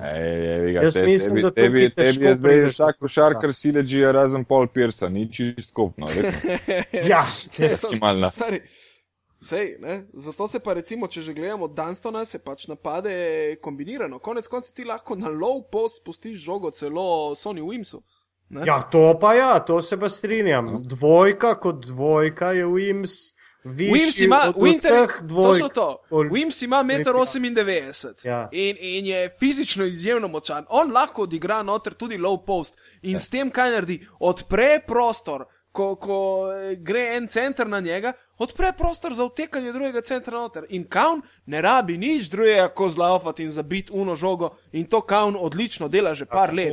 Pa Tudi, ja. tudi, tudi proste mete meče z uno svojo šašavo tehniko odlično. Mhm. Pa ne pozabimo Tako pa na ja, koncu pa nimaš to, sam njega. ne pozabimo na koncu, ne pozabimo še to, da, da v enem ozadju uh, z ogromno izkušnjami in še bolj tough guy na svoj način je pa Karl Heinz, ne? ki se ne bo pustil dol pretepati nobenemu. Se to lih razmišljam, kakšni lojziti smo, da smo od celega rosterja Olimpijakosa izpostavili Sašo ja. Kauna. Ne? Ja, Stari sem rekel, da je treba poglobiti sebe. Ja, Ne, ne, pa ne, tudi, jaz eh, govorim o. Čakaj mal, začel sem z njim, ampak logično je, da, da, da ne poteka vse preko enega človeka, da imaš ti eno uh, kombinacijo igralcev, kot sta Heinz in, in, in Saša Kaun, in ko dodaš potem tudi tehniko Sony Wimsa, ki sicer bolj igra na poziciji 3, in dodaš enega Kirilenka, ki se nikoli ne boji uh, kontakta, potem probaš mogoče na ta način. Po drugi strani ste pa vprašala za mnenje, zdaj jaz, če bi zadev z vsako svojo taktiko, verjetno ne bi tukaj z vama govoril, ampak bi videl, kakšen intervju z mano delala medtem, ko sem jaz trener neke ekipe. Ne? Uh, tako da to, to je pač to je moje, to je moje Ja. osebno videnje. Ne? Kiro ekipo bi ti treniral? K, jaz vem, kjer bi jaz. A, kje misliš, v Evropi ali v Ameriki? Ma dobro, v Ameriki vem, kjer bi to. V Evropi, v Evropi tudi imaš samo dva poizkusa, Minnesota Timberwolves. bi Ja, ja. predvsem dobro, v Evropi bi, se pravi, ti bi takoj štartal na Olimpijo in Partizan. Ne? Tačno tako. Ne, veš. In nič drugače. Ker, zakaj? Zato, ker bi tukaj, ker bi tukaj verjetno znal edinkrat v, v, ži- v trenerskem poslu dati 250% samega sebe. Jaz bi šel najprej v Grčijo, Marusi, Pauk Solun in potem dalje. Jaz bi začel na, na hardcore, deske v glavo, tuča, jaz bi se mlatil z vsemi, igralci, sudijami in navijači sploh. Svojimi. Ja. Vse to, vse to Olimpija lahko naredi tako, da, da, da še ne pet let takega sistema, ki je zdaj, pa se mu res navijači tepel z ekipo. Ne. Stari mene angažirajo za tri tedne, naredim darmar, da smo končali takoj, da, da ne vlečemo več dalje. Prva stvar, ki, ki te lahko angažirajo, je sledeča, da, da recimo eh, že pred, pred letošnjo sezono bi že veliko pomagal, če bi ti bil mogoče mal klele angažiran za to, da držiš fante, da se po treningih hodi domov, da se po tekmah hodi domov, da se ne gleda samo joške rite. Pa, No, kar pomeni, da bi ti bil Cajka. po kafanah v bistvu, ne? Bi se selil od kafane do kafane in čekiral, ne? pa Ne, to je idealno. To se naredi idealno, ne? zato ker je že prejšnjič, recimo, Lih Mateuš napisal o eh, temu, ko je padel ta zakon o točenju alkoholnih pijač, pač eksanje pol litra vodke v. Ja. na parkirišču v Stožicah. Ne? Jaz bi z momci zelo hitro pravil, ok, fantje, hočete iti ven pit, se zabavati, ni problema, gremo v garažico Stožic in se igramo tekilo Suicide. Ne? Ja. Daš lepo gor motoristično čelado na glavo, jaz imam bejzbolsko palco v roki, ti spiješ uno tekilo švepsov, jaz te zveknem po glavi, majstore, spiješ tri tekile, jaz te odpeljem domov in smo končali. Zjutraj se zbudiš po devetih urah spanja in greš regeneriran na trening. Točno to. Zdaj reš, ne pa da do treh zjutraj piješ neke fancy koktejlčke in gledaš uno daro Boba Maroma. Fuck off, pizda. Nabute se v 20 minutah in pridemo domov? Dobro, Ajde, momci, drugi, drugi par. Drugi par, ja, hvala, evo. Drugi par se pravi Real Madrid versus Fenerbahče Ulker. Zdaj, rekli smo, eden izmed teh dveh lahko postane vodilni v, v zbiranju lovorik, pa ne mislim tukaj na Fenerbahče, ampak na eh, gospodina, eh, kako že, Željko Obradovič Cepač, aka Žoc, ne? Ja. Mhm. Zdaj, tako, uh, Željko Obradovičeva je vsaka, uh, je največ uspehov dosegal na liha leta, če se obrnemo na vraževerje in zanimivo trivijo številk. Ne? V sodih letih ponovadi se ni uvrščal niti na Final Four. Razen 2000, eh, kjer ga že? 12? Ja? Ja. No, to je bilo to. Zdaj, kar se tiče spet samega rosterja, uh, ima Real Madrid, kolikor jaz vidim. Ja, mislim, itak ima. Real Madrid ima že svojo standardno ekipo, ki jo zelo malo vrti. Ima standardnega trenerja, ki ga verjetno že zelo glava boli ob mislih na ta lepo finale. Real ima najstarejšo ekipo v Euroligi. Po drugi strani ima žoc tukaj ekipo, za katero smo se mi še, mislim, da pred tremi meseci spraševali, kaj bo z nekaterimi od teh indijancev. Ja, Indijancev, ja. Ja, Andrew Gaudlok, tebe gledam. Ja. Zdaj je pa druga peterka Eurolige. Zdaj je pa druga, dobro, ok, druga peterka Eurolige, to načeloma Ja. pomeni nekaj in ne pomeni nekaj. Točno pač to, ja. to, to pomeni, da si imel korist, tale indeks pač visok čez celo leto, konst, relativno konstanten. Ne? Ja, no, Uh, pa tudi moraš biti v neki ekipi zdaj. Sam mislim, da trije igralci v prvih dveh peterkah niso, ne bodo igrali na, na Final Fouru. tako da, Uh, mene je ta indijanec dotični zelo, zelo presenetil in moram reči, da ga je Obradovič, kokar ga je lahko, da ne verjamem, da bi ga lahko bolj spravil ta svoj kalup, da ne dela več uh, neumnosti. No. Še Je vedno naredi kako glupost, Ja, jasno, je ampak un jo gol- mora. Ja, je un go to gaja, veš, daš mu šut, ampak lej, to je to, ni pa, ni pa več tisti, tistega, kar je znal prej početi. ne. Tako da jaz sem fasciniran uh, nad, te, nad to njegovo preobrazbo in uh, res, mislim, nad celim Fenerbahčem, tudi ni, nisem si mislil, da bo s, s tako pisano ekipo lahko. Še Semiha Erdena je spravil v red. No? Ja, to, odprav. to je pa eden izmed modernih čudežev tega. Le, ja. ne? Uh, Tako da jaz bi tukaj tudi rekel 50-50. Uh, mislim pa, da če Real tole zgubi, da bo v Madridu ne vem, kaj se bo zgodil. Ma, šta- Laso bo ne odletel. Štala ne. bo samo v upravi Reala, Ne ne, vem. nikjer druge. Ja, ampak mislim, da če letos ne osvojijo Eurolige, da bo čistka. Ja, Podobno taka, kot, kot eh, se obeta v, v Stožicah, če ne še hujša. Sergio Lulin, eh, Čača Rodriguez se itek spogledujeta z NBA. ne. Ja. Uh, potem imaš tukaj Filipe Reyesa, ki se verjetno, zdaj pač malo ugibam, spogleduje počasi s penzijo. Še prav pazi, prva Igra, peterka. ja, ja, igra eh, košarko svoje kariere, to je genialno, ne? mislim, on je klasa. Pa nekateri imajo še pogodbe, tako da mislim, da Ja. ja. bo kar pestro bo. No?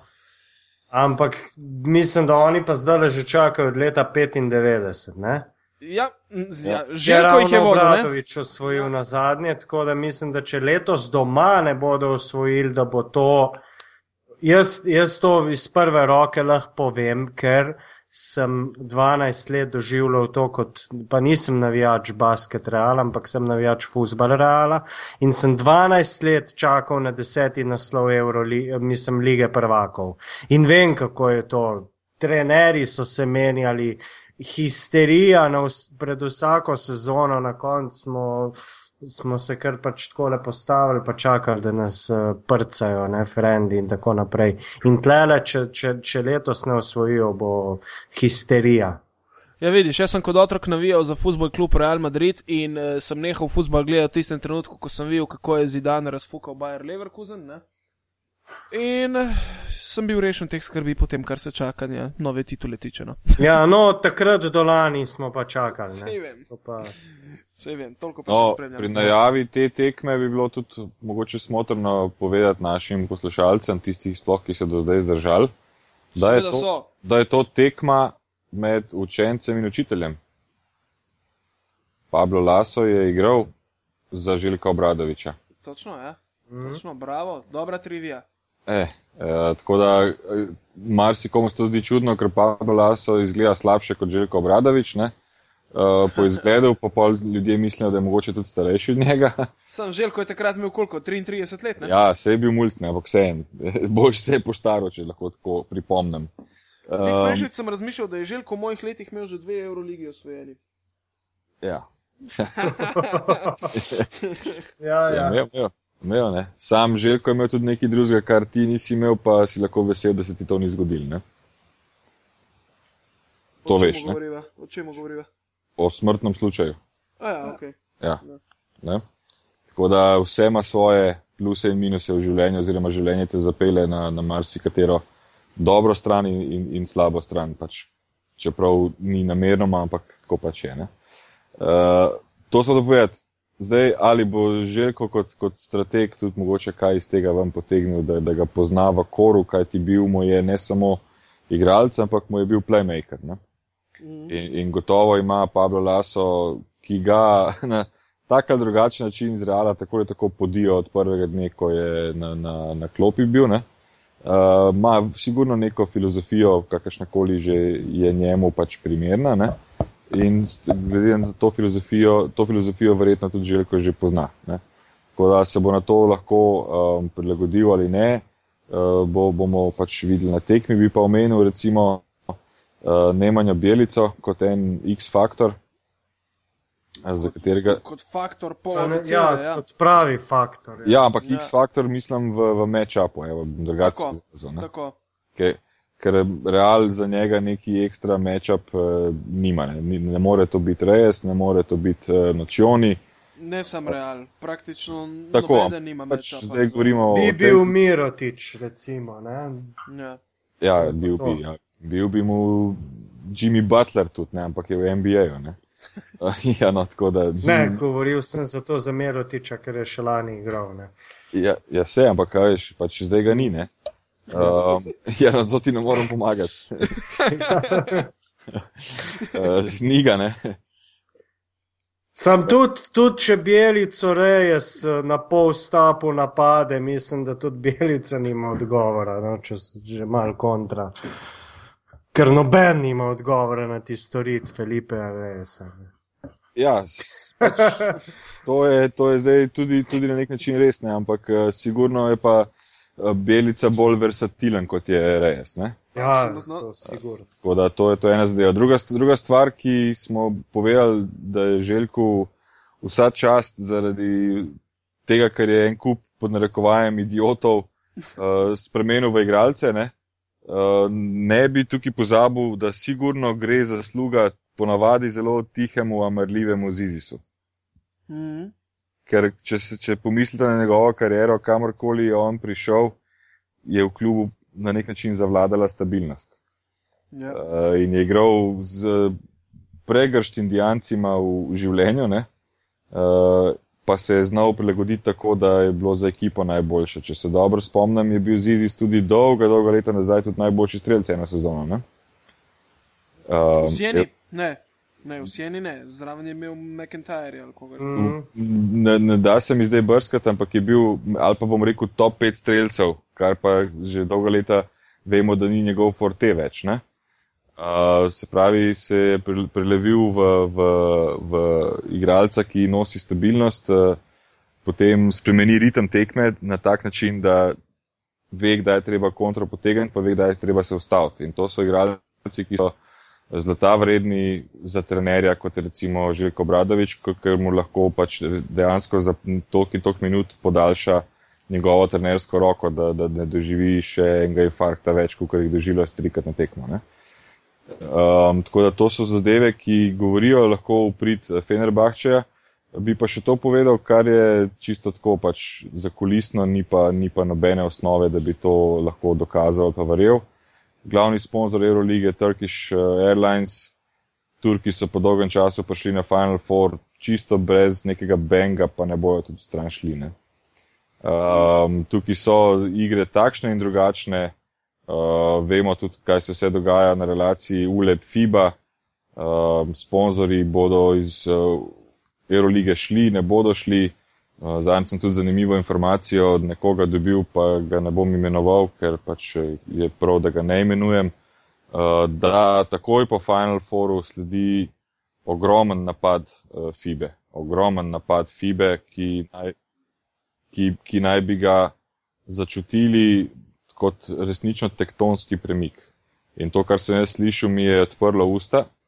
Um, tako da upam, da, da, da, da, da se, ne da se bo to zgodilo, ampak da se bo ta predlog vsaj pojavil, ker bi rad potem slišal, kaj bo kompletna košarkarska srednja v bistvu rekla o tem. Uh, tako da tukaj mogoče lahko še nekaj se zgodi, mogoče v nekih zakulisjih, kar sploh nima veze s košarko.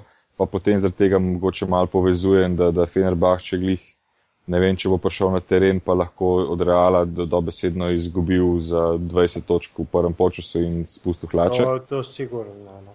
Ej, pri Fenerju imamo spet enega centra, ki igra ne z obrazem, ampak z obmi proti košu. Ne? Ja, Jan Veseli. Ali pa z brado, mogoče celo. ne vem. ja. Uh, po drugi strani uh, pričakujem jaz ravno v tem dvoboju verjetno povečano vlogo, ki se je itak v zadnji, zadnji polovici sezone povečala, Markosa Slotera. Ker je eden izmed teh agilnih, močnih fantov, ki bo lahko branil napade teh centrov, ki večinoma prihajajo do svojih točk iz drugih akcij. To ja, ampak jaz mislim, da, da Marko Sloter se bo tudi žrtvoval, če je potrebno, pa bo naredil 4-7 napake mm. na, na veselju, zato ker bo ta potem vrgel 8 prostih metrov in zadev In 2. bo zadev dva. Ja. Ja. Se pravi, gledali bomo taktiko, ki jo trenutno vsaj NBA moštvo uporabljajo proti Clippersom. Ne? Tako je. Tako je. Uh, je pa druga stvar ta, ne, da, da smo pozabili še omeniti uh, mlado vzhajajočo zvezdo, ki vzhaja že drugo leto zapored, očitno. Ne. To, to je neko dolgo vzhajanje in to je Bogdan Bogdanovič, ki pa uh, počasi v tem klubu prerastel v osebo, ki mu je, ki, ki mu Obradovič zaupa zelo, zelo zajetno minutažo, glede na to, da večino uh, tekem, kot sem jih jaz pač pogledal in opazoval, ni Ja. bil večji faktor kot dejansko to, da je na terenu bil. Ne? Ampak Obradovič kot izkušen strateg je že vedel, zakaj je bil in kdaj ga rabi. Ne? Če se spomnite začetka sezone, je sicer prihajal v igro redno, ampak je- so bile to sporadično 4 minute tu, 4 minute tam in vse Tako, skupaj ja. nič.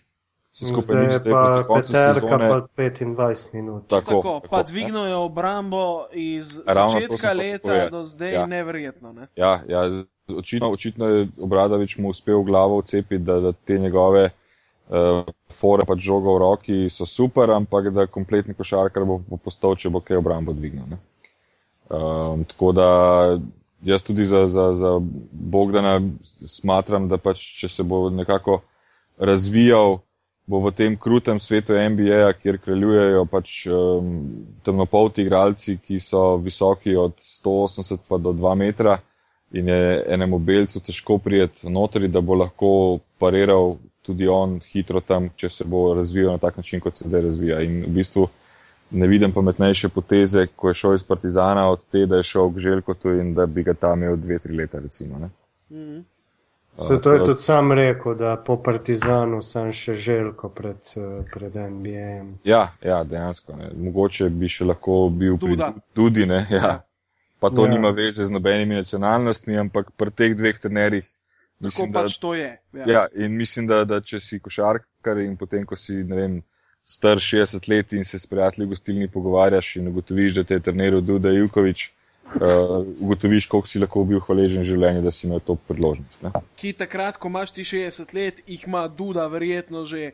110 in še vedno In še vedno trenersko trenira. deluje. Normalno, še zmeri normalno. razbija table. Norm- Pa, Normalno. kaj pa misliš? Čaki, čaki, taki ljudje ne umrejo nikoli. Ne, me hecati. Točno to, točno to. to To je je pač. jasno. Finale, potem ne vemo, kdo bo zmagal, ne vemo, kdo bo. Točno to, evo, hvala vam, stavničari, ker nas razumete. Ja. Uh, predvsem smo tukaj zelo zapostavili Real Madrid, kolikor jaz gledam. Uh, kdo bi lahko bil, razen Rudija Fernandeza in Čačo Rodrigueza in Felipe Reyesa, še morda, a ja, Sergio Lul. Ja, Pa pa imaš te variante, Real dosti krat naredil razliko, če se je uh, utrgalo JC Kello, recimo. Ne? ja, Uh, Da, da, da, da recimo slabo rešiš uh, dva, tri bloka, dvojna, trojna pretekanje ali pa slabo skomuniciraš uh, prevzem, pa ta neverjetno hitri izmet, ki ga JC Carroll ima, uh, recimo te lahko pokople hitro z neko serijo dveh, treh trojk in potem imaš nove težave, tako da tudi na njega uh, velja opozoriti v vsakem primeru. Ne? moram pa reči, da mi je še vedno po desetih letih gledanja ni najbolj jasen Borusis. Ej, pa jaz sem hotel glih njega izpostaviti. da kar bi- je, ma ne, kar je, on, on ima momente, ko je izjemen, pizda. močenje. Vse, trojko zadane. Trojko s zadane, zna se vse. povečevati. Tehniko, on ima, kar se tehnike tiče, mm. -hmm. tata mata.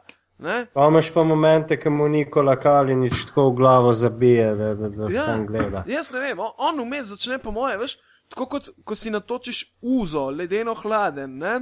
in ga potem, eh, seveda, razrečiš z vodo, in, in, in postane tak meglen. Ne? E, jaz mislim, da se to njemu dogaja med tekmo. Nimam, nimam druge. K, Ja. e- Ena resna pomračenja uma se mu morajo zgoditi med tekmo, da igralec njegovega kova, ki bi, če me vprašaš, lahko razbijal tudi po NBA-ju, enostavno ne potegne. Ne? Mislim, Ja, še, jaz še, mislim, jaz še sem vedno feeling, da ponavadi on dobro začne, dokaj, pa pa tako. Ne? Ja, sam jaz bi tako povedal, uh, pa to mogoče bo na, najbolj osvetlilo zadevo na Borusisa in potem tudi ostale fante njegovega kova in njegove višine. Uh, tisto nekaj centrov, kar sem v življenju odigral, pa nisem nič odigral nikjer. Uh, ti povem, ampak to v najlepšem smislu govorim. To je neka posebna vrsta ljudi. To, to, to njihovo življenje je posebno. Poslušaj, če se ti moraš že v samem življenju v večino, pod večino štokov sklanjati, če ti je večina pojsl premehna, če ti je večina avtomobilov premehna, enostavno ti drugače razmišljajo. No? Oni so res, imajo momente briljantnosti in imajo momente, da rečeš, pa to moja desetletna hčerka ne bi pomislila, pa v življenju ni dala enega koša. Ne? Uh, o, njih se čaka, se tudi vid- vidite, kako košarka deluje v končni fazi. Centre se čaka, centri so talenti tudi do 25 let, centri imajo možnost narediti več napak. eh, Centre se na nek način ujčka, zato ker imajo tistih 215 cm in Bog ti ne more pomagati, naredil bo 100 neumnosti, ti ga boš jutri spet rabo in ga boš spet vzel in boš spet mu dal priložnost, da se pokaže in na teh 100 neumnosti po naslednjem tekmu naredil vrhunsko tekmo za NBA, za dvigen trofej, za vse. Še rekel, ok, zdaj smo pa prišli v nek ritem, pa bo naslednja tekma spet nekako tako prišla, pa nič od njega. In ne boš tega si znal niti dobro razložiti, eh, razen da ga spodbujaš cel čas, ko si z njim in da mu pač poskušaš razložiti, naj proba početi tisto, kar najbolje zna. In, in težko to razložim drugače kot mentalno, ampak centri so, so posebni ljudi, ljudje in še enkrat, da ne bi kdorkoli narobe razumel, to govorim na zelo lep način in, in te vse šale, ki smo jih kdajkoli imeli, so bile šale, ki niso imele neke ogromne osnove ali pa bom rekel kar nobene, a ne, ampak dejansko to so posebni fantje in, in njihovo življenje je posebno in z, na njih se čaka. No, glede na to, da je on letnik 83, Se ga čakaj, več dolgo ne bo v tekmo. Ne, iz tekme v tekmo se čaka. Ja, Ja, ja. ja. Center, Ja, center, ja. ok, ni več talent, da, da ne bomo se zabavali. Ne, ne, on, je, on je dejansko roko na srce, je on rutiner. Ne, Ja, Sam ne veš, to- kdaj bo ta njegova rutina proradila. Se, se to ne, sam pa pa veš, čakaš in pa, ko dočakaš, si pa srečen, kaj češ drugega. ne. Ok, se pravi, NBA momci ali pa spavanje. spavanje, spavanje. Dej. Mislim, da imamo najdaljše ja. Pivotiranje ever narejeno ravno kar. Ne, nimamo, ker je bil Džile 1,35. Ja, ja, ma čakaj, tole eh, dvakrat da nam je prekinilo zvezo, mi smo na 1,45 že zdaj. Ok, pom da pa jaz- Ker smo se pogovarjali o NBA, bom povedal samo en stavek, da bodo poslušalci za naprej vedeli. Uh, zmagovalec, Cleveland je najjači. to sploh ne rabim razlagati, to vsi že vejo. Uh, zmagovalec NBA lige bo moštvo, ki bo najdlje ostalo zdravo. Hvala lepa. A, a ne uno, ki bo največ tekem zmagalo. Ne, Ah, ker, po, ker, ker posledica tega je, da bo največ tekem zmagali. A ja, tako. Ja. V glavnem, sam še to ti povem, jaz sem včeraj navijal za Chicago. Se to Jaz vem, se, tudi.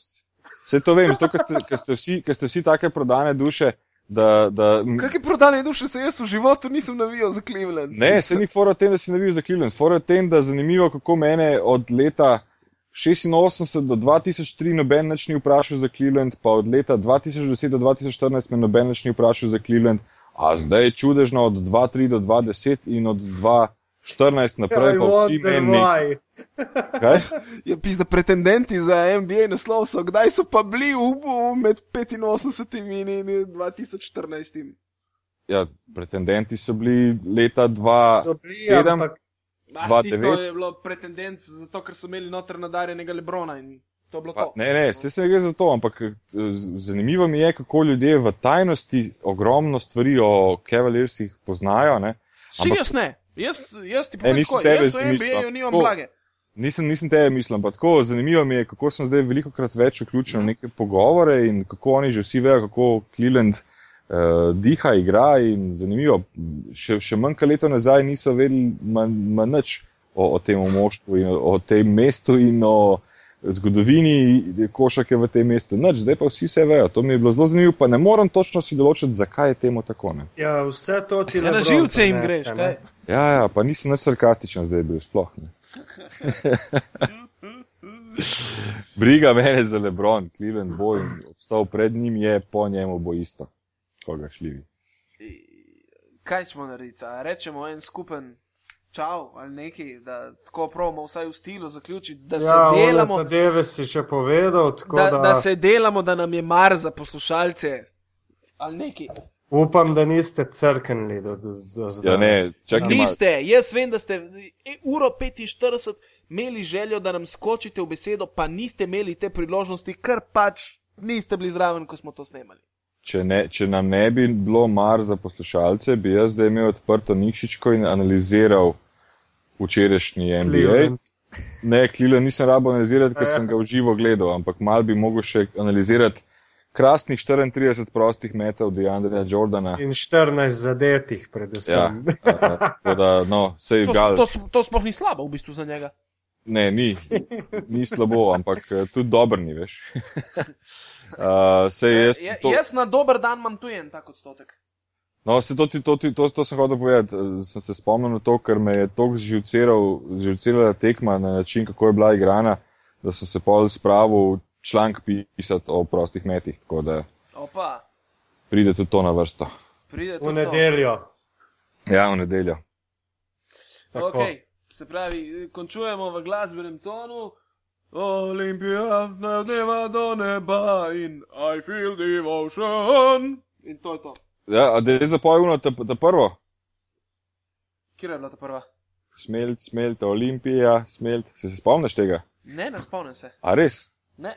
Smelt, smelt, sem gledal Olimpija. Smelt Olimpijo, ampak Ja, ampak tako je bila- po televiziji, veš? Ja, tako je bila himna. Smelt, smelt, Olimpija, smelt, smelt, Olimpija, za tvoje barve bije nam srce. Ure. O, dečurlijo mlada moja. Ja, ja. No, na YouTube si pejt pogledat, pa boš pa Bom, točno bom. vedel. Evo, evo, bom dal še link spodaj. Ok, nič. Jesmo, ajde, zapakirajmo. Lepo zdrav, pa hvala vsem, ki ste se prebili do konca. Kralji ste, skoraj taki kot mi. Ajde, živijo, čau. Ajde, čau.